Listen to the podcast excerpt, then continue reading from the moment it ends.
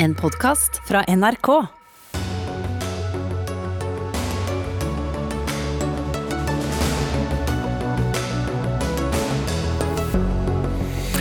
Kommunene Halden og Sarpsborg stenges ned etter utbrudd av mutert koronavirus. For en uke siden ba Halden om de strengeste restriksjoner, men regjeringen sa nei. Hva skjer med Myanmar, tidligere Burma, etter militærkuppet? Aung San Suu Kyi oppfordrer folk til å gjøre motstand, men hva hjelper det? Var finansredaktør Trygve Hegnar en mannssjåvinist da han kritiserte økonomirådene til kvinnelige rådgivere og påvirkere? Eller var det de som kritiserte ham, som egentlig ødelegger for likestilling? Debatt i Dagsnytt 18. Og fra i dag så ble 1,5 million nordmenn herre over egen pensjonskonto. Er det godt nytt for vanlige folk, eller er det godt nytt for de store finanshusene som skal ta seg betalt for å investere pengene våre? Ja, God kveld og velkommen til mandagens Dagsnytt 18 med Espen Aas. Og vi starter med det muterte viruset som først ble oppdaget i Storbritannia, og som altså ble mm, konstatert i Nordre Follo for en uke siden. Da det skjedde, så ba Halden kommune om å få være med i den gruppen av kommuner som fikk innført de strengeste tiltakene.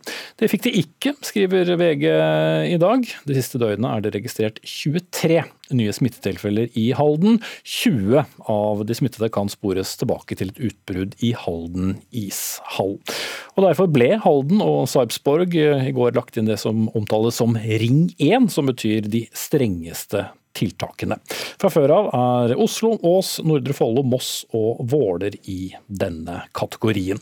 Og vi skal til deg, ordfører i Halden, Anne Kari Holm fra Senterpartiet. Har dere kontroll over smitteutbruddet nå? Eh, vi er iallfall ganske klar over hvordan eh, smitten har spredd seg og hvem den har spredd seg til. Så den smittesporingen vår eh, den fungerer, og vi har fått satt folk i karantene. Og også deres nærmeste pårørende. Og tallet på antall smittede, holder det seg stabilt? Eh, ja, det er kommet flere til i dag òg. Eh, men eh, de øker iallfall ikke i omfang nå. Så vi har rundt 50 smittede etter utbruddet i ishallen. Dette, ja, utbruddet startet altså i, i Haldens ishockeymiljø. Dette er et arrangement som aldri burde vært gjennomført. Hvorfor ble det det da? Eh, nei, vi hadde eh, tenkt oss eh, godt om. Vi, vi har tillatt arrangementer for ungdom fra 20 og ned. Men det har da vært breddeidrett og ikke konkurranseidrett i det hele tatt. Vi har ikke hatt noe smitte i det hele tatt fra, fra skolebarn og mente at det skulle være trygt å åpne opp for den type aktiviteter. For barn og unge er ganske skadelidende under denne eh, pandemien. Eh, de mistet sin nettverk, de mistet sin idrett og sin fritidsbeskjeftigelse. og eh, Derfor mener vi at det er viktig å kunne holde disse aktivitetene i gang. Mm. Men så endte det som det gjorde? Så endte det som det gjorde. Ja, det gjorde det. Eh, men jeg tror ingen kunne forutse uh, at det var det mutante viruset som uh, var kommet til Halden. Det var det ikke så lett å å skjønne på forhånd. Og hvor enormt eh, raskt det spredde seg, det var det vel heller ingen som hadde kunnet forstå. Mm. Som jeg nevnte innledningsvis, så skriver VG i dag at dere for en uke siden ba om å få være med i den gruppen av kommuner som fikk innført de aller strengeste smitteverntiltak. Hvorfor ønsket dere det?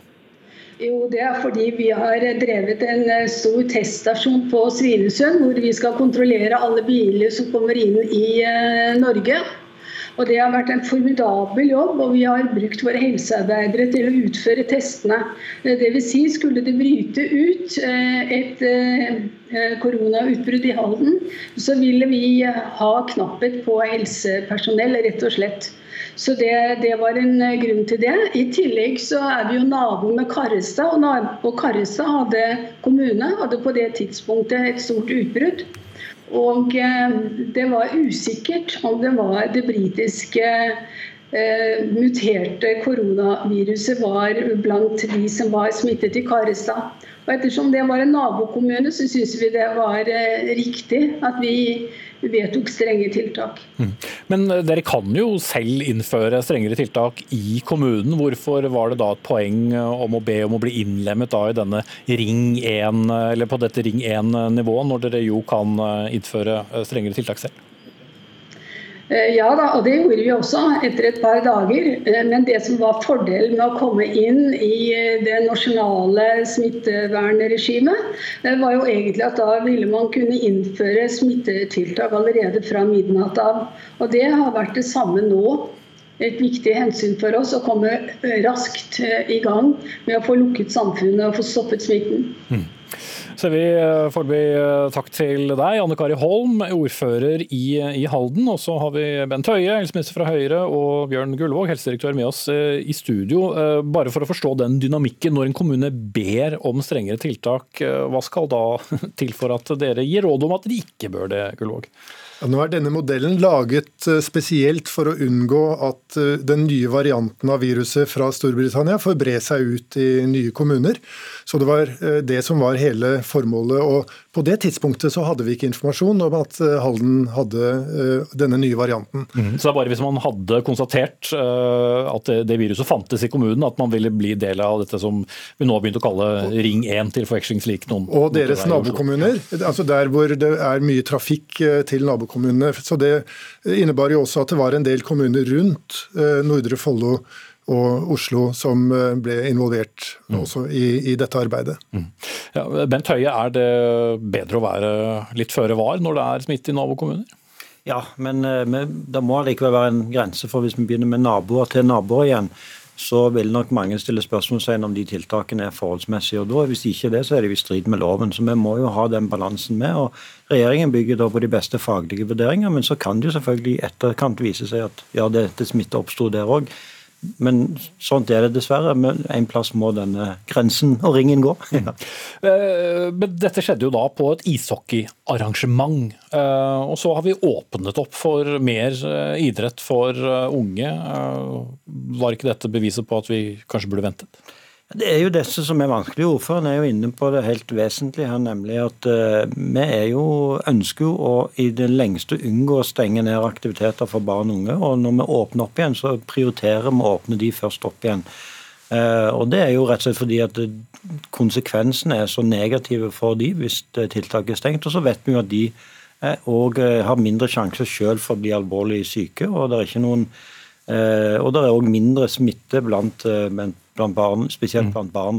Men barn bor jo ikke alene hjemme, Nei, da, det er jo det. barn. Så det er det, og Derfor er dette det vanskelige. Men, eh, men jeg oppfatter at det, der er veldig gode grunner for å ha en sånn prioritering. Og, og hvis vi hadde hatt en nulltoleranse i samfunnet vårt for smitte, så måtte vi jo levd i et regime som ingen av oss hadde tålt. og nå er det i går var det ettårsjubileum for vi ga Helsedirektoratet fullmakten til å håndtere denne pandemien, og det er klart det hadde ikke vært mulig for oss. Mm.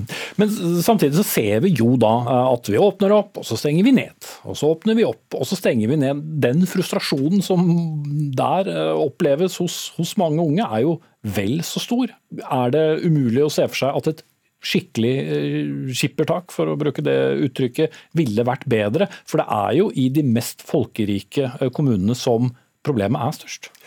Nei da, det er sånn at et virkelig skippertak kunne ha vært veldig nyttig. Men eh, det er som helseministeren sier, at når du kommer langt nok i det skippertaket, så må du gjøre forholdsmessighetsvurderinger på hvor langt det er mulig å gå. Og det er et eh, betydelig lokalt uh, handlingsrom her også til å fatte lokale tiltak. Og eh, Nå står vi jo nettopp og veier eh, denne muligheten for å åpne opp mer for barn, vel vitende om at eh, det kan medføre en risiko for at vi får mer smitte. Mm. Og Det er en veldig veldig vanskelig balanse å klare å finne det. Og vi har kanskje ikke enda helt svaret når det gjelder den nye virusvarianten. Vi følte at vi var ganske langt kommet med det gamle viruset som vi var kjent med, og visste omtrent eh, hvordan vi skulle vekte eh, tiltaksnivåene. Nå må vi eh, få litt ny erfaring med dette. Og akkurat nå så er vi veldig strenge og setter inn disse tiltakene som har blitt kalt Ring 1 og Ring 2. Men det er altså ikke mer magisk enn at det er nivå 5 og 4 i regjeringens beredskapsplan. Uh, og, uh, Skal ikke innføre flere tall her. Men, men, men, det er for så vidt en kjent ja. mekanisme. Og så kan det være at når vi blir bedre kjent med denne varianten av viruset, at vi vil gjøre justeringer så tiltakene kan bli noe mindre strenge fra dag én. Mm. Men igjen, altså dette såkalte britiske viruset, eller det som ble oppdaget i Storbritannia, er jo da i omløp i, i det sentrale Østland. Nå åpner da Oslo kommune for barneidrett igjen, f.eks. da. Landets mest folkerike kommune. Hva skal da til for at dette stenges ned igjen? Skal det være ett tilfelle, to tilfelle av det muterte viruset? Nei, det er jo som jeg sa, Vi kan ikke ha nulltoleranse for, eh, for smitte i det norske samfunnet. Nei, jeg skjønner det, Men et eller annet sted går grensen? Ja, og Den må gjøres ut fra en konkret vurdering. Nå er det jo sånn at De lettelsene som kom i Oslo i dag, det er jo i tråd med de lettelsene som ble innført eh, av regjeringen og varsla fra regjeringen på lørdag. Uh, og, og, det trer i kraft fra onsdag. Nettopp fordi at en mener en, bedre, en har en bedre oversikt over situasjonen. Um, så, men tiltakene må hele veien være tilpassa det som en smittesituasjon. Men det er ikke sånn at ett utbrudd gjør at en liksom rykker helt tilbake. Men hvis det er sånn at en er redd for at her har en en spredning av den mer smittsomme varianten, så er vi nå i denne fasen villige til å bruke sterke virkemidler. Fordi den langsiktige verdien av å forsinke denne Eh, viruset sin mulighet til å spre seg raskt i Norge ser vi som veldig stor i denne fasen. Mm. Men vi kan komme i en situasjon der vi ser at nå er dette etablert i Norge. Eh, da handler det mer om å forsinke det generelt, og da kan vi ikke bruke så drastiske tiltak som det vi gjør nå. Men er det helt utenkelig at man også gjør om på vaksinestrategien? Eh, sentrale østlandsområdet er jo mye lettere og mye mer folkerikt enn veldig mange andre steder i landet hvis man hadde satt inn alle ressurser på å vaksinere Viken, Oslo og kanskje Vestfold, Telemark, hva vet jeg, i en kort periode. Ville ikke det også slått ned viruset? Vi hører jo om briter som altså de vaksinerer over 300 000 i uken. Ja, men da har mange lagt flere vaksiner. Ja, da måtte vi hatt de vaksinene, og det har vi jo ikke. og Det betyr jo for det første at hvis vi skulle i hele tatt vært i nærheten av det, så måtte vi stoppet vaksineringen over lang tid i resten av Norge. Og Da er det i foreløpig vurderingen at i den fasen vi er nå i, så ville det ha eh, da koster mer liv og helse enn en sånn eh, strategi. Også Men sånn også færre jojo-tiltak? Nei, nei, og det er det neste poenget. Eh, og det er at Vaksinen sin effekt i forhold til smittespredningen nå vil ikke oppveie effekten av de strenge tiltakene. Så Vi ville da risikert at vi måtte levd med like strenge tiltak fått flere mennesker ble syke og døde i resten av Norge, og ikke fått den ønska effekten. Mm. Men det gjøres løpende vurderinger av dette. så hvis, eh, det, er, det er jo ingen eh, det er jo ingen absolutt fasit her. så Hvis forutsetningene endrer seg, så vil man også gjøre en endring i vaksinerådene. Men i dag så er det sånn at vi har ikke nok vaksiner til å kunne ta ned smitten i de områdene eh, som eh, nå er mest berørt. Jo flere som er vaksinert, jo færre vil jo bli syke. Nå kom det jo nyhet i dag om at 900 000 ekstra doser var det vel TV 2 meldte om er på vei. Så... Ja, og Derfor så er det nødvendig å se på dette fra eh, uke til uke og gjøre vurderinger ut ifra den situasjonen vi er i. Dette vil variere om du har høyt smittetrykk eller om du har lavt smittetrykk, og naturligvis hva vi får vite om vaksinenes effekt til å hindre smittespredning. Mm. Men inntil videre så er det riktig strategi også å vaksinere eldre mennesker i kommuner hvor det ikke er noen smitte, fremfor å vaksinere yngre mennesker i områder med høy smitte. Ja, fordi at uh, beskyttelseseffekten knytta til alder og underliggende sykdom er så veldig mye større enn det å ha en skeiv geografisk eh, fordeling. Og Det er jo en av grunnene til at de aller fleste landene egentlig gjør det på den måten som vi gjør det, selv om de har ulik smitte i ulike deler av landet. Og selv om vi tror at det ikke er like sannsynlig at man blir smittet oppe i ja, Otta i Gudbrandsdalen som eh, i enkelte deler av Oslo, så kan det fort komme et utbrudd der også, og det har historien vist. Mm. Da sier jeg takk til dere, helsedirektør eh, Bjørn Gullvåg og helseminister Bent Høie.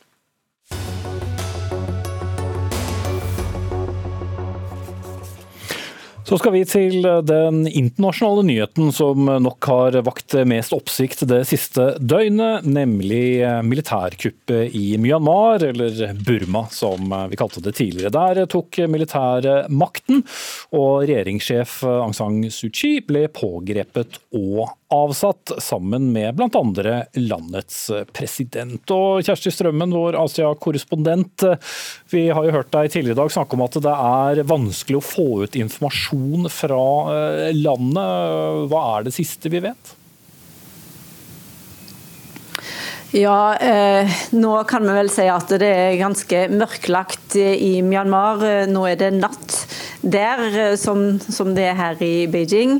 Og eh, vi har ikke sett noe bedre kommunikasjon komme ut av Myanmar i løpet av kvelden enn det har vært i løpet av dagen.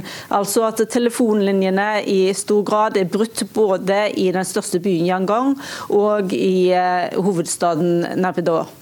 Og eh, internettet skal være, virke noen plasser, men være veldig tregt. Så det er altså rett og slett svært vanskelig å få ut informasjon om, eh, om det som skjer der nå. Ikke minst altså eh, hvor eh, Aung San Suu Kyi, den sivile lederen av landet, og presidenten og de andre regjeringsmedlemmene skulle befinne seg. Mm. Myanmar har jo vært et militærdiktatur i, i mange år, men så de siste ti årene har det jo vært lettet opp. Det har vært valg. Hva er da den offisielle begrunnelsen for at militæret igjen skulle stramme grepet?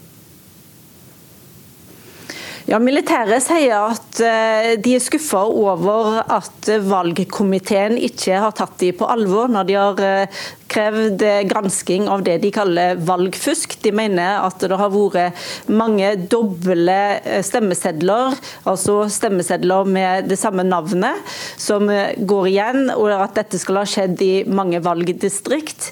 Og Dette har de altså bedt valgkomiteen om å se nærmere på, men er blitt avvist.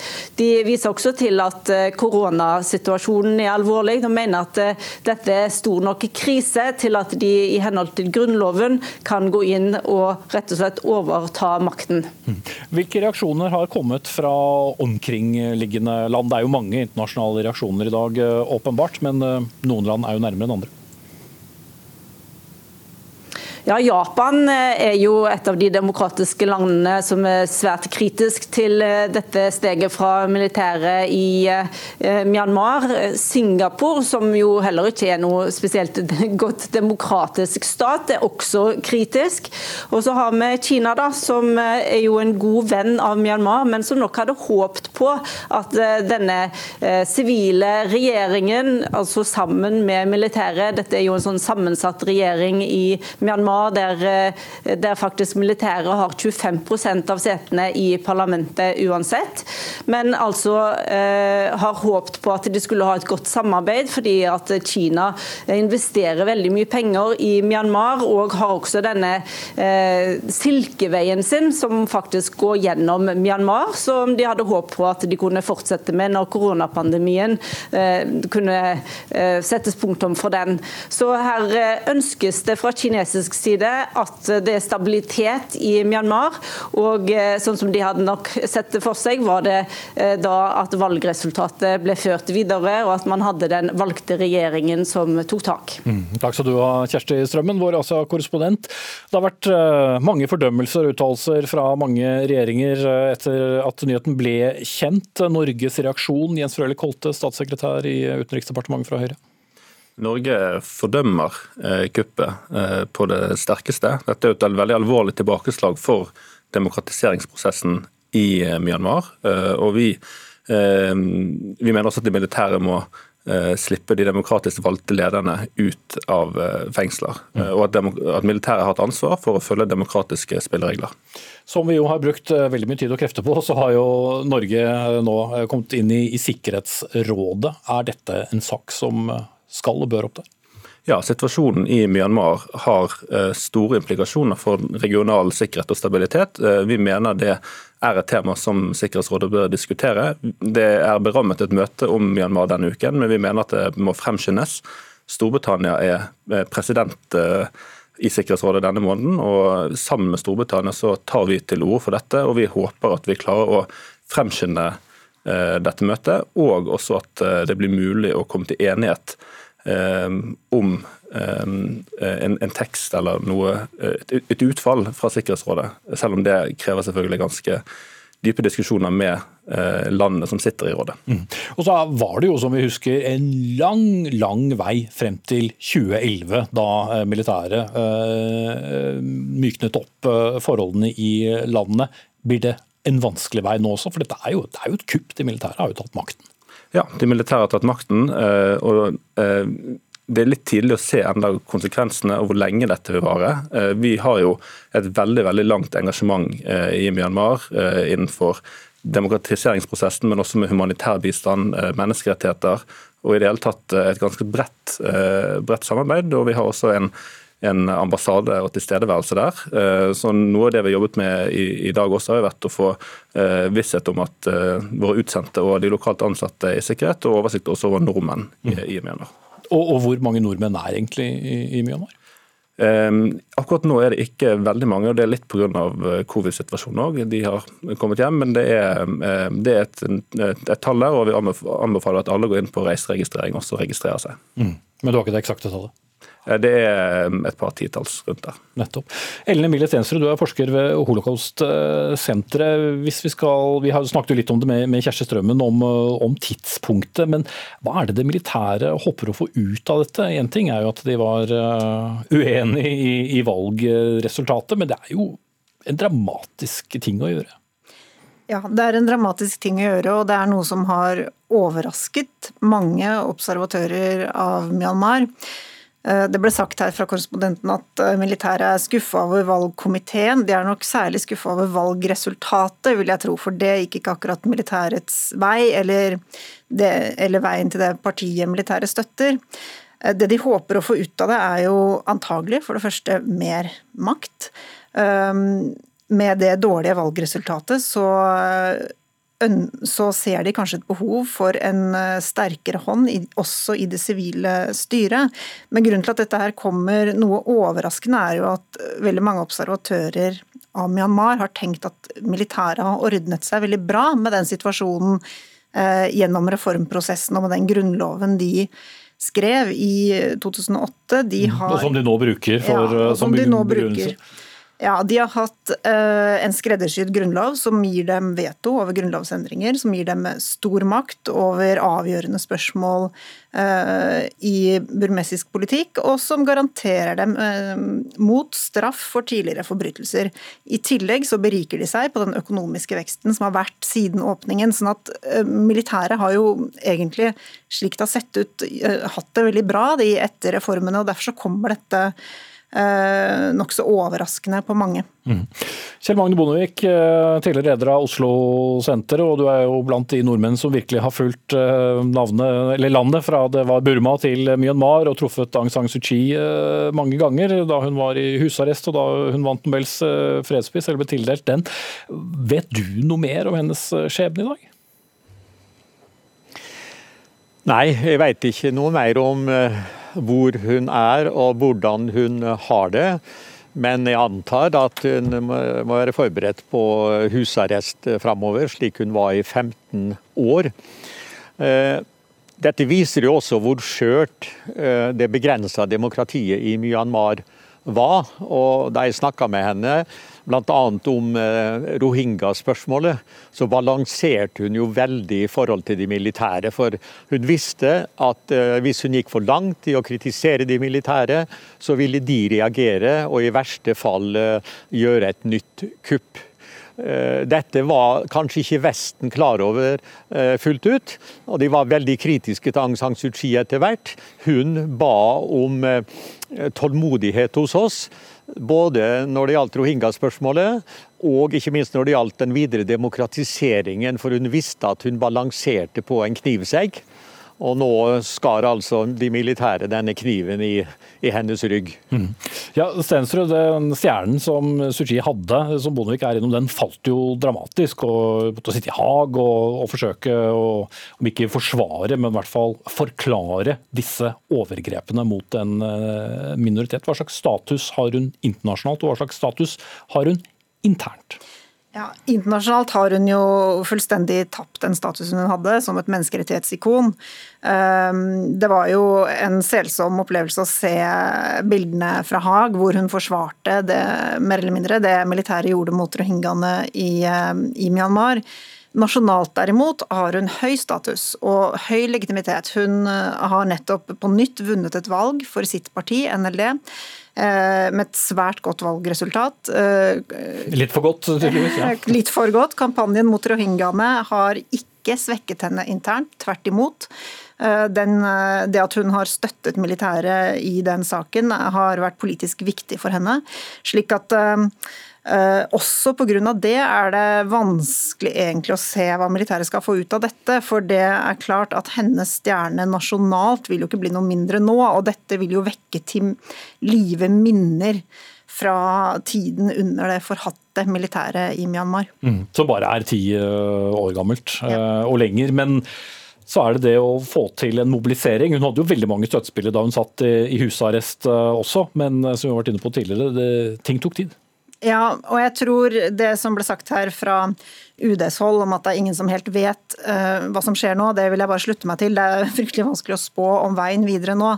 Uh, om det vil bli mobilisering, om det vil bli uh, demonstrasjoner og vold i gatene, det får vi se. Og det vil også avhenge av om militæret nå velger å forkaste grunnloven eller beholde den. Det vil være avgjørende. men ja, det, Vi har jo sett før hva militæret i Myanmar er villig til å gjøre. Mm. Ja, Bondevik, eh, nå vet vi jo veldig lite om eh, Suu Kyis eh, skjebne og hvor mye navigeringsrom hun har.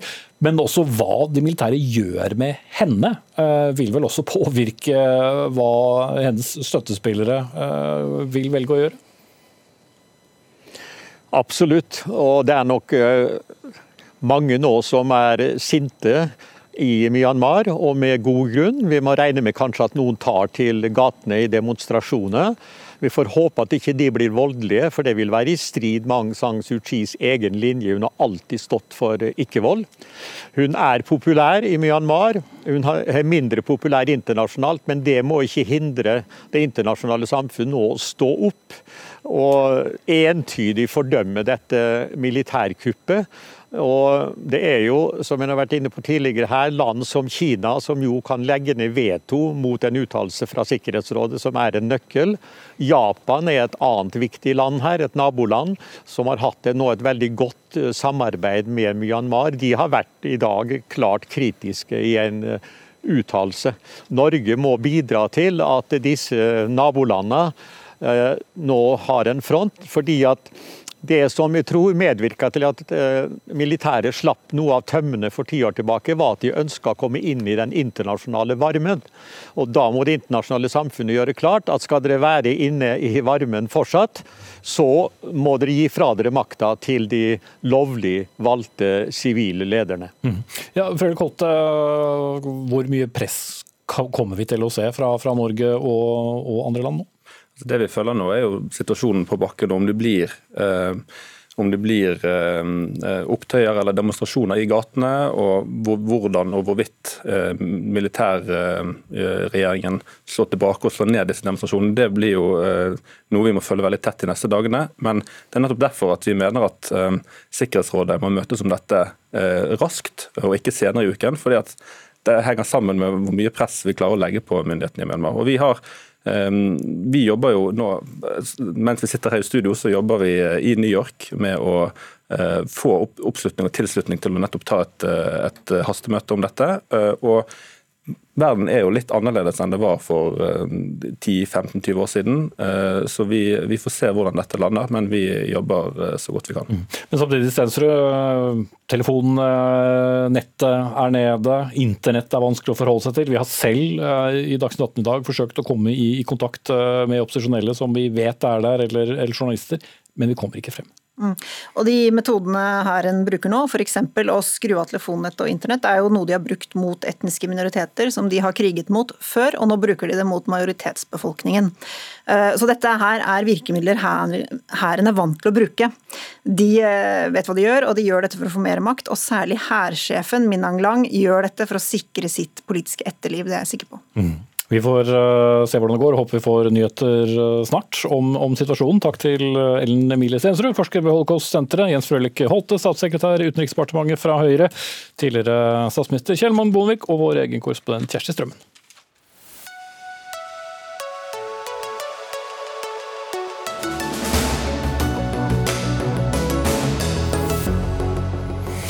Klokken er 18.30. Du hører eller ser på Dagsnytt 18. Senere i sendingen, forskere ved NTNU er bekymret for demokratiets fremtid etter pandemien, men det er ingen grunn til å sette på alarmklokkene, svarer Høyres Michael Tetzschner. Det blir debatt mot slutten av sendingen.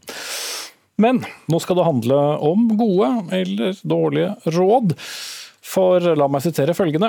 Hei, Trygve Hegnar. 50-tallet ringte og ville ha tilbake kvinnesynet sitt. Ja, Den som skrev det var Marie Olaussen, forfatter av boken 'Hvordan bli rik på ett år'. Og hun fikk svar, ikke av Hegnar selv, men av redaktør Vibeke Holt i Kapital, at 90 1800-tallet ringte og ville ha tilbake kvinnesynet sitt. Så her uh, var det mange muligheter for tidsmaskin, uh, men eh, det hele startet altså med at nettopp Trygve Hegnar, ansvarlig redaktør i, i, Kapital, og da skrev om kvinner og pengesnakk, om det som ble omtalt som banale økonomiråd gitt av kvinner til kvinner. Og Marie Olaussen har allerede introdusert deg. Du var altså blant de som eh, ble omtalt her. Du har en Instagram-konto som heter 'Hvordan bli rik', og har altså skrevet denne boken. Hvorfor var det et kvinnesyn fra 50-tallet som eh, redaktøren kom med? Nei, Aller først må jeg si at først var jeg så, var, jeg var så stolt og syntes det var så stas at eh, selveste Trygve Hegnar hadde skrevet om meg i, i Kapital og om alle disse andre damene. Fordi at den superkraften som ligger i å prate om økonomi, eh, er eh, så bra. Eh, og så kjente jeg litt på tonen, og på kritikken som kom, da. Det var jo banalt, og jeg følte at jeg var litt sånn underutdanna og i det hele tatt. Så Nei, det var det at Åh, ja, altså, jeg blir så engasjert. Ja, ja, men Poenget er da at eh, Hegnar skrev jo, eller han kritiserte jo en del av rådene som du gir. Silje Sandmæl, eh, forbrukerøkonomen, er eh, en annen som, som ble nevnt der. Men hva følte du gikk da på deg som kvinne uh, ved det han skrev som gjorde at du begynte å, snakke om et gammeldags uh, kvinnesyn? Eh, Trygve Hegnar trekker jo fram, det er jo han som starter å snakke om kjønn i den debatten her. så Uh, han, han, stiller spørsmålet er kvinners råd annerledes enn menns råd. Og stort sett er mine råd helt like Halvard Kvatsheims råd, f.eks. Så jeg tror egentlig ikke det er et kjønnsspørsmål. Jeg tror det er Kapital har et publikum. Det er finans miljøet, som ofte er eller som er mannsdominert. Og jeg ser at jeg har 92% kvinner som mm. følger meg på Instagram. Mm. Ja, men det det som jeg skulle frem til. Så det at det er eh, toneangivende kvinner, enten på sosiale medier eller for så vidt eh, via andre kanaler, som også gir en del råd til kvinner, er det ikke et poeng å problematisere om det du gir råd om er godt? Jeg syns det er kjempefint at vi kan ha den debatten. Det, det, jeg ser ikke noe negativt på det. Eh, eh, men eh, jeg syns det er liksom vanskelig å se hvordan det å snakke med, om økonomi, da, og få tusenvis av kvinner til å ta liksom, vare på sin egen økonomi, forstå sin pensjon Vi snakker om investeringer også.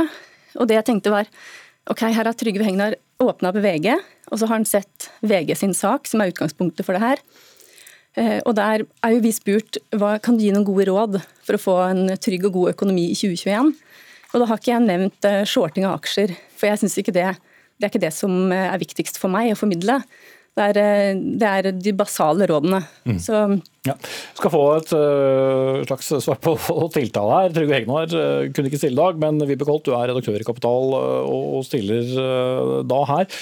Mens du sier jo at han er genuint opptatt av, av likestilling. Samtidig så er det ikke i tvil om at det fikk en del negativ oppmerksomhet, det han skrev blant mange kvinner. Mm. Og veldig mange har vært på oss. Få Trygve Hegnar i studio!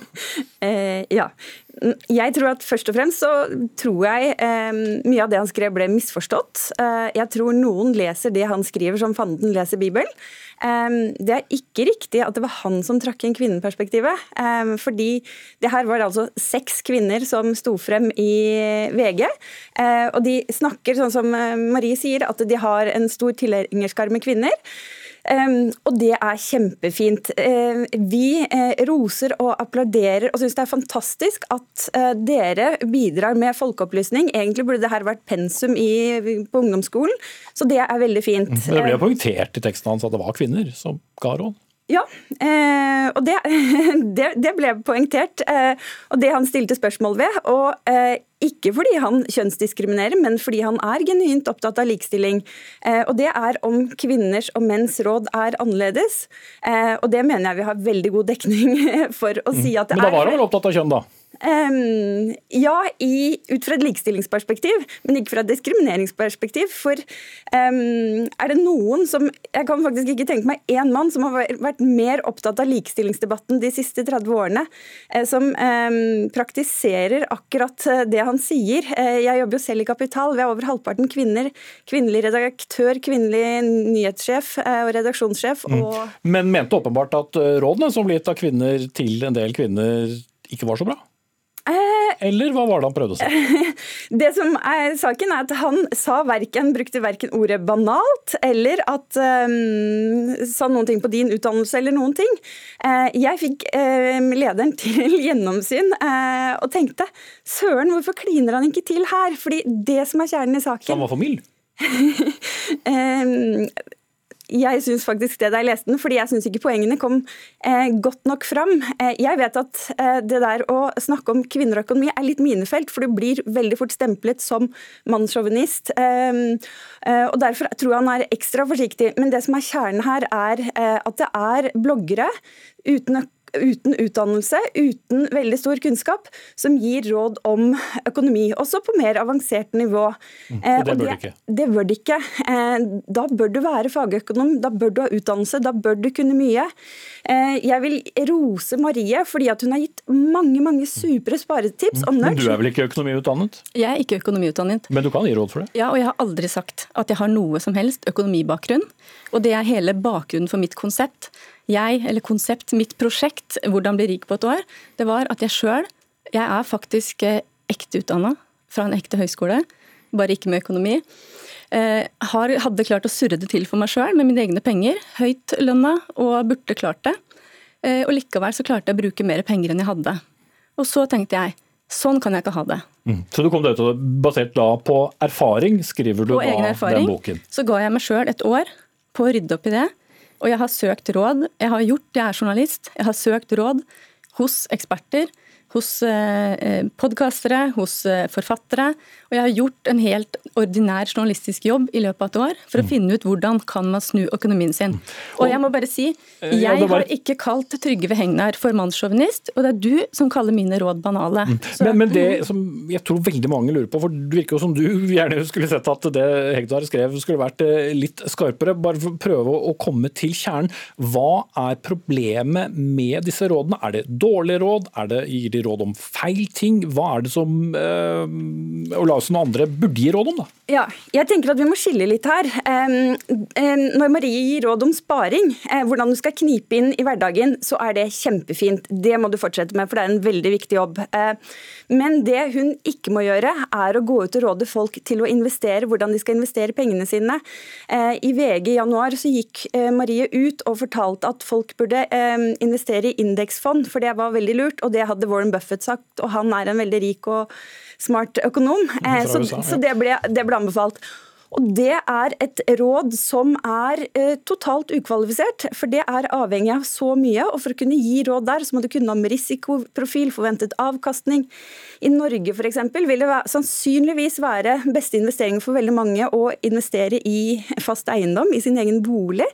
Eh, det, eh, men, men, da å bare gå ut og anbefale folk eh, å kjøpe indeksfond, det er en driv ruskende dårlig økonomiråd. Det kan passe til noen, men her er det så mange forbehold. Og du må kunne ganske mye om de ulike typer aktivaklassene for å kunne gi mm. gode råd. Jeg har hatt mange sjeføkonomer i dette studio som også har gitt helt riv ruskende gale prognoser for både boligmarked og rentemarked og olje og jeg vet ikke hva. Selv med mange år på Handelshøyskolen eller BI eller utlandet. Ja, og det, det, er jo en uh, fair ting, men i hvert fall, de har stort sett kvalifiserte begrunnelser for de ulike valgene. Kan godt hende at uh, det ikke går akkurat som de tenker, men, men, i hvert fall da ligger det uh, kunnskap eller regnestykker bak, og litt mer fundert. Mm. Um, men og, og, Så, så Olavsen snakker med folk som kan det, er ikke godt nok? Hun må, må kunne det selv, og ikke intervjue research med folk som kan det? Ja, når du anbefaler indeksfond, så må du kunne det, fordi markedsføring og salg av finansielle produkter er strengt regulert regulert av et EU-regelverk. Eh, fordi det er så mange fallgrubber. Eh, det er så vanskelig og komplisert. Eh, og det er ingen quick fix. Mm. Men det er nok det som er problemet her nå, at folk mm. tror. Ja. La oss ikke snakke oss helt i hjel på indeksfond, men du får svare på kritikken. Ja, altså Jeg anbefaler ikke konkrete investeringer. Jeg er veldig tydelig på at jeg mener at å sette pengene sine i globale indeksfond er en smart, langsiktig sparing hvis du har ikke kredittkortgjeld, ikke eh, dyr gjeld. Hvis du har bufferkonto, eh, hvis du har eh, spart ferdig BSU-en din, hvis du har banklånet ditt er under 60% av boligens verdi, og så skal du gå og spørre en voksen om hvor du skal sette pengene dine. Du skal ikke spørre meg, jeg svarer aldri på Jeg gir aldri konkrete investeringsråd, og jeg sier du skal snakke med banken din eller du skal laste ned en app som gir deg de råda, f.eks. Kron eller Nordnett. Mm. Okay. Og så må jeg bare si ja, det at det, det, er veldig kort, men det er av de seks damene som blir kritisert av Hegnar for å ha, for å ha dårlig kompetanse, så er det to eh, siviløkonomer og en gjeldsrådgiver i Nav med mastergrad. Mm. Ok, Jeg må sette strek der, og så får vel folk heller eh, velge selv om uh, hvem de vil tro på, hvem de vil lese. Takk til kapitalredaktør Vibeke Holt og Marie Olaussen, forfatter av boken 'Hvordan bli rik på et år'.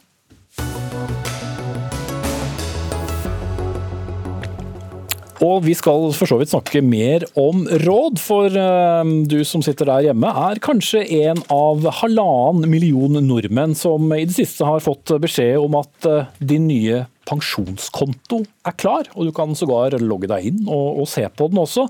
Men hva skal du med det?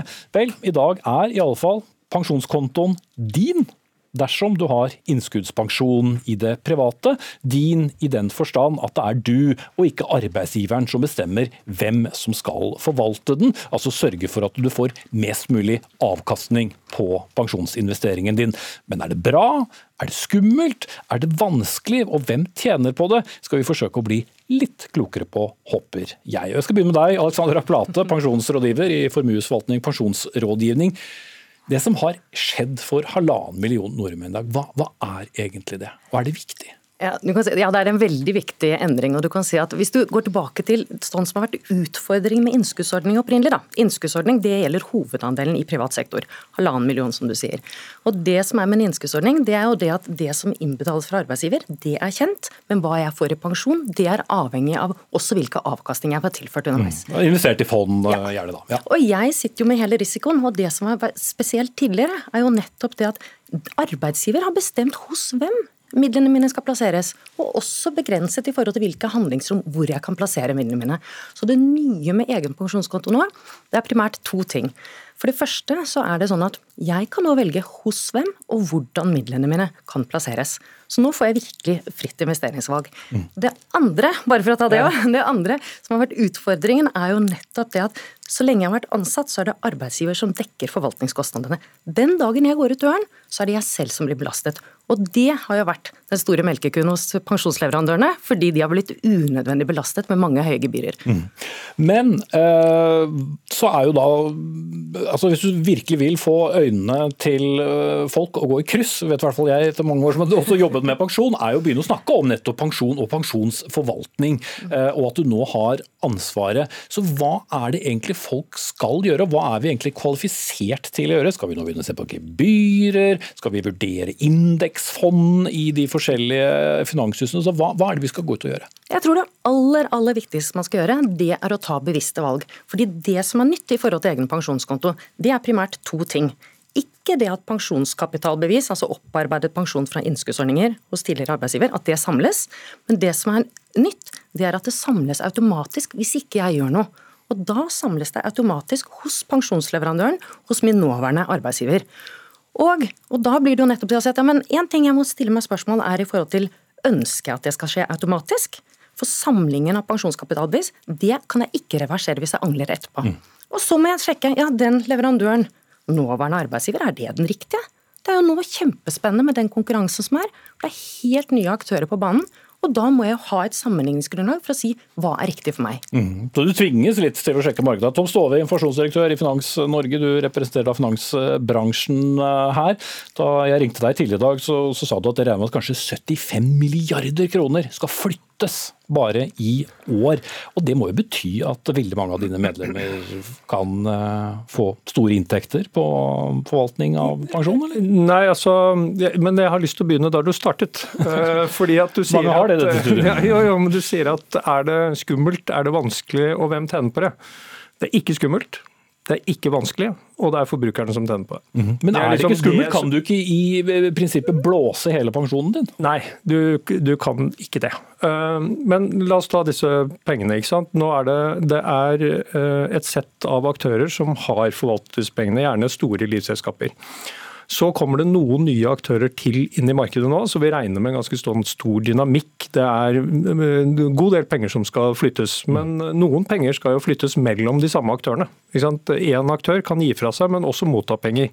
Og Det er der vi sier at vi tror at ca. 75 milliarder kroner skal ut på vandring. Og Derfor har man sammen med staten lagt en plan for dette. For Hvis vi hadde prøvd å flytte 75 milliarder kroner på én dag, så hadde vi krasja børsen, og kursen hadde gått i alle retninger. Det er ikke bra. Mm. Så vi, vi, kommer til å bruke altså, og, og, det er også et litt sånn svar på det spørsmålet. Ja, det er i dag det åpner, men vi kommer til å bruke nesten hele 2021 til å få på plass dette systemet, at alle tar de valgene de skal ta. Og selv om du ikke tar noe valg i 2021, så er jo ikke toget gått. Altså det, altså poenget er at eh, det er alle muligheter nå de neste 40 årene av ditt arbeidsliv til å, å, å, å styre med din egen pensjon. Mm. Hvis du da har så mye igjen, men så har jeg vært inne og kikket. da.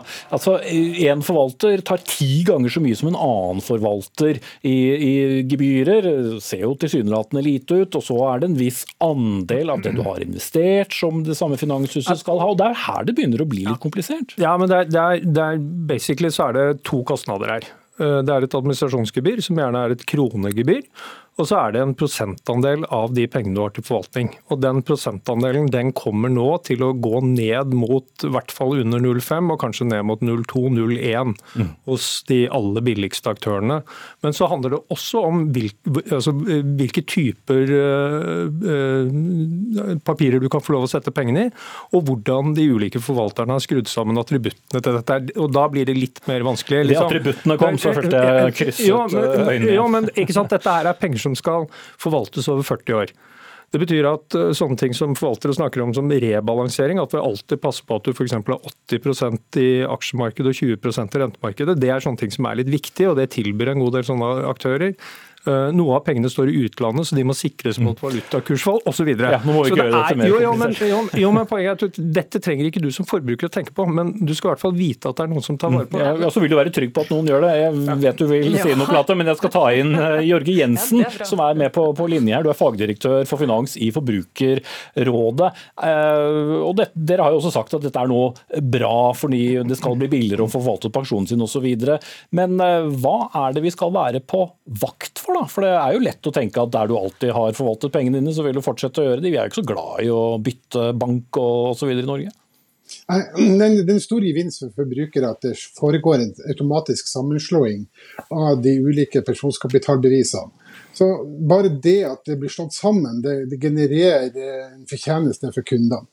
Ellers så har vi jo sett, og det har vi jo sett siden i natt, hvor vi publiserte tallene for eh, prisene på egen pensjonskonto, hvilken dynamikk det er i denne altså det er en sånn konkurranse i dette markedet som er blitt utløst med innføring av egen pensjonskonto. Eh, selskapet har forandra prisene i løpet av formiddagen i dag, fordi at det er plutselig blitt virksom konkurranse i en del av pensjonsmarkedet hvor det ikke har vært konkurranse. Mm. Så tommel opp for det. Tommel opp for det. Eh, forbrukerne kommer til å tjene penger på dette. De som er direkte berørt, er jo åpenbart det, for som sagt, det er en del sammenslåing. Det kvitter det med noen gebyrer. Samtidig så ønsker jo eh, alle leverandørene her det største kakestykket i, i, dette markedet. Så, så, der er det også en pris, reell priskonkurranse mm. som går. Men, men alle de som har fått denne pensjonskontoen, hva skal de gjøre? De må jo gå inn og se hva som står der, åpenbart. Ja. Og når ja, du går inn der, så ser du hva du betaler i dag. Skal de da begynne å sammenligne dette med andre tilbydere, eller skal de sitte nå helt i ro mens dette markedet justerer seg? Jeg vil eh, stille meg bak det Plate nettopp sa, at her er det viktig å ta eh, egne valg. Og heldigvis så er det laga gode tekniske løsninger for forbrukere som de kan ta i bruk. Mm. Norsk pensjon er en av dem, eh, Finansportalen en annen, og der får du sammenligna priser mellom de ulike. Og så må man ta et bevisst valg. Mm. Plate.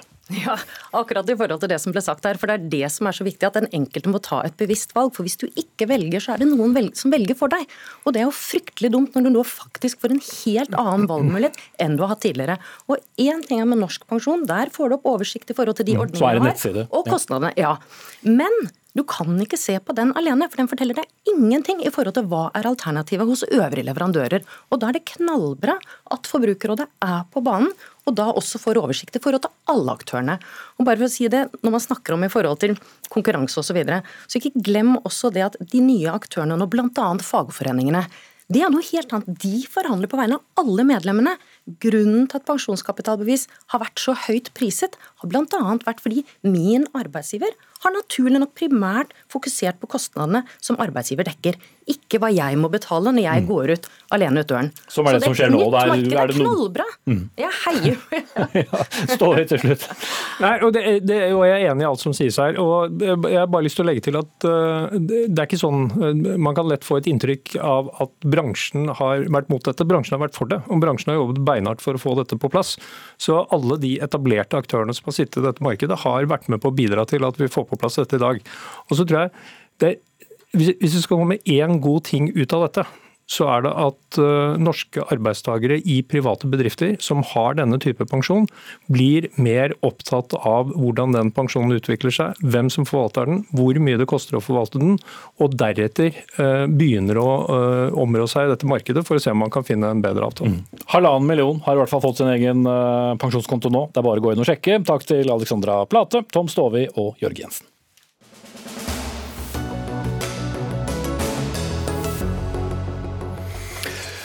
Bekjempelsen av koronapandemien har jo ført til nye og tidvis inngripende tiltak fra myndighetene. Og nedstengning av kommuner, endringer av forskrifter og høring om portforbud er jo kanskje noe av det som har vært mest omdiskutert gjennom det nesten hele året som vi har lagt bak oss. Men er også bakgrunnen for at flere nå stiller spørsmål ved om koronakrisen også endrer det norske demokratiet. Og Kristine Størkersen, du er sikkerhetsforsker ved NTNU samfunnsforskning. Sammen med flere andre kolleger ved NTNU så skrev du et debattinnlegg i, i, i forrige uke hvor dere uttrykte reell bekymring for at denne koronakrisen eh, vil skape endringer i vårt demokrati. Hvor er det denne bekymringen er størst? Eh, det vi ser er jo at krisa gjør noe med samfunnet, både med strukturene og med folk. Så vi folkene vi trenger trygghet og vi trenger følelsen at noen har kontroll.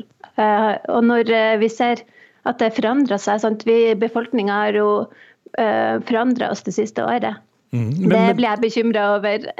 Men det er også helt naturlig. Der vi før var opptatt av frihet for individet, så ønsker vi nå velkommen tiltak som minsker friheten. fordi at f.eks. munnbindpåbud. Det føles trygt. Det føles at noen tar ansvar. Men mhm. det er jo ikke så lett å fjerne i ettertid, den følelsen. Nei, og, men hva er det da du, eller dere da frykter på, på lengre sikt? For én ting er jo korte mm, tiltak i forbindelse med en pandemi. Er det noe ved dette som skulle tilsi at det vil være vedvarende inngripende tiltak, eller at nordmenn vil være mer åpne for en innskrenking av, av friheten når og hvis vi blir kvitt denne pandemien? Ja, for der er du inne på det. Det handler ikke nødvendigvis om det juridiske da, og om et tiltak er sittet sånn eller sånn. Men det at eh, når vi går rundt og tenker sånn her og, og etterspør denne sikkerheten og disse reglene at noen skal bestemme for oss over tid, så eh, får vi jo en slags frykt og usikkerhet som vi kjenner på i den unntakssituasjonen, men som kan skape en etterspørsel etter styring og, um, over tid. Um, og vi som jobber med sikkerhet vet at en sånn tenkemåte det nødvendigvis gir ikke mer sikkerhet. Vi trenger et kritisk befolkning som er opptatt av, og, av demokrati. Mm. Ja, Michael Tetzschner, stortingsrepresentant eh, fra Høyre. Er det grunn til å være bekymret for en eller annen sånn kollektivt eh, ønske om å fortsatt bli, bli ledet og styrt også den dagen vi har vinket farvel til denne pandemien? Ja, eh, la, la, meg si, Jeg syns det er en eh, demokratisk styrke at vi kan diskutere dette, og at også stemmen fra de som er bekymret, og flere bør være bekymret, uh, høres. Så når vi ikke bare sier at siden jeg har et godt formål, så er vi villige til å svelge alle virkemidler. Mm. Men så har vi heldigvis demokratiske institusjoner som integrerer disse forskjellige hensynene. Stortinget på sitt beste gjør dette, i samvirke med regjeringen. Mm. Og En av grunnene til at jeg ikke øh, hamrer så veldig på den store alarmklokken her, det er at i motsetning til del andre øh, politimetoder som vi aksepterte i lys av øh, angrepet på World Trade Center og andre store skjellsettende begivenheter, kriminalitet osv., så, videre, så er pandemien noe som er mye mer konkret. Eh, den dagen vil komme da pandemien eh, er borte. Eh, og da vil selvfølgelig også grunnlaget for disse inngripende tiltakene som man ønsker hjemmel til, de vil også falle bort. Så det er lettere å kontrollere i et demokratisk system overforbruk av disse virkemidlene. Mhm. Men når dette da varer over tid, som, som Størkersen er innom, så vil det bli et sånn slags vakuum at uh, plutselig så er det ikke noen uh, Høie eller Nakstad eller Gullvåg eller noen som på en måte passer på, så at det vil kunne gi mulighet for en, enten en sittende regjering eller en ny regjering til å opprettholde en del tiltak som utgjør en viss form for kontroll, enten handler om hvem som kommer ut og inn av landet, hvor vi til enhver tid beveger oss osv. Og selv dere folkevalgte kunne finne på å mene at det var en god idé? Ja. Ja da, de folkevalgte har jo ofte ideer, og de, de, ideene kan også skifte over tid. Fordi de også responderer på krav og forventninger fra sine egne velgere. Og så Når du sier at Nakstad en dag ikke skal fortelle oss hva vi skal gjøre, og pandemien er over, eh, så eh, er det jo grunn til å minne om at det er derfor vi har demokratiske institusjoner. Fordi de gjør eh, skal vi si, enkeltaktører mindre viktige enn en regimer hvor alt bygges opp rundt et lederskap. Så en klok lovgivning som alle stortingsrepresentanter kan bidra til, med en åpen diskusjon med regjeringen og fagetatene om hva de nå egentlig trenger. La meg benytte anledningen til å Det var kort, for jeg vil gjerne ha ja. Størkersen igjen. Ja, ja. Okay. Uh, ja, men Størkersen, altså, uh, hvilke uh, institusjoner er det du da ikke har tillit til? Tror du ikke helt på at et storting vil kunne stanse forslag om eventuelt inngripende tiltak osv.? Jo, jeg har tiltro, og vi har jo tillit i Norge. Vi har tillit til våre myndigheter. Så alt det Tetzschner sier, er jeg også enig i. Men det som jeg ikke er enig i, er at vi ikke må legge oss, eller eh, tenke at da er det bare å ha tiltro til disse, og så er, fortsetter alt å være greit. Vi må da øve oss eh, på å være demokratisk og være kritisk tenkende også i denne situasjonen. For det er akkurat det som er så viktig, at vi ikke utvanna de demokratiske prinsippene, selv om vi er i en slags unntakstilstand som varer over lang tid. Mm. Men for de som ikke leste innlegget deres, Størkersen, kom et konkret eksempel som kan uh, uroe dere, og som uh, dere tenker kan bli en del av en fremtidig hverdag, hvis vi ikke passer på? Eh, det, vi, har, eh, vi, har, kommet med eksempler på munnbindpåbud og sånt, men det er jo noe helt annet. Eh, men vi, vi, har også kommet med eksempler på den Patriot Act som var etter 11.9, som Tetzschner var inne på, og som ikke har fått jeg tror ikke at det kommer til å bli akkurat sånn i Norge, men saken var at der gjorde, lagde man noen regler som gjorde at man aksepterte mer overvåkning. Og, ser, og de har da ikke blitt endra etter den kritiske situasjonen da. Også, og det ser vi jo i Norge også, at vi har fått større aksept for overvåkning. Mm. Og ja. ja. jeg må dessverre sette strek der. og jeg vet at Tetzschner sikkert ville beroliget deg med at eh, Stortinget ville sett på også dette, men vår tid er eh, ute. Kristine Sørkersen, sikkerhetsforsker ved NTNU Samfunnsforskning og stortingsrepresentant fra Høyre, Mikael Tetzschner. Ansvarlig for sendingen i dag, det var eh, Dag Dørum, Frode Thorshaug, overvåket det tekniske. Jeg heter Espen Aas, og ja, vi er ikke verre enn at vi kommer med en ny sending i morgen, vi. På gjensyn.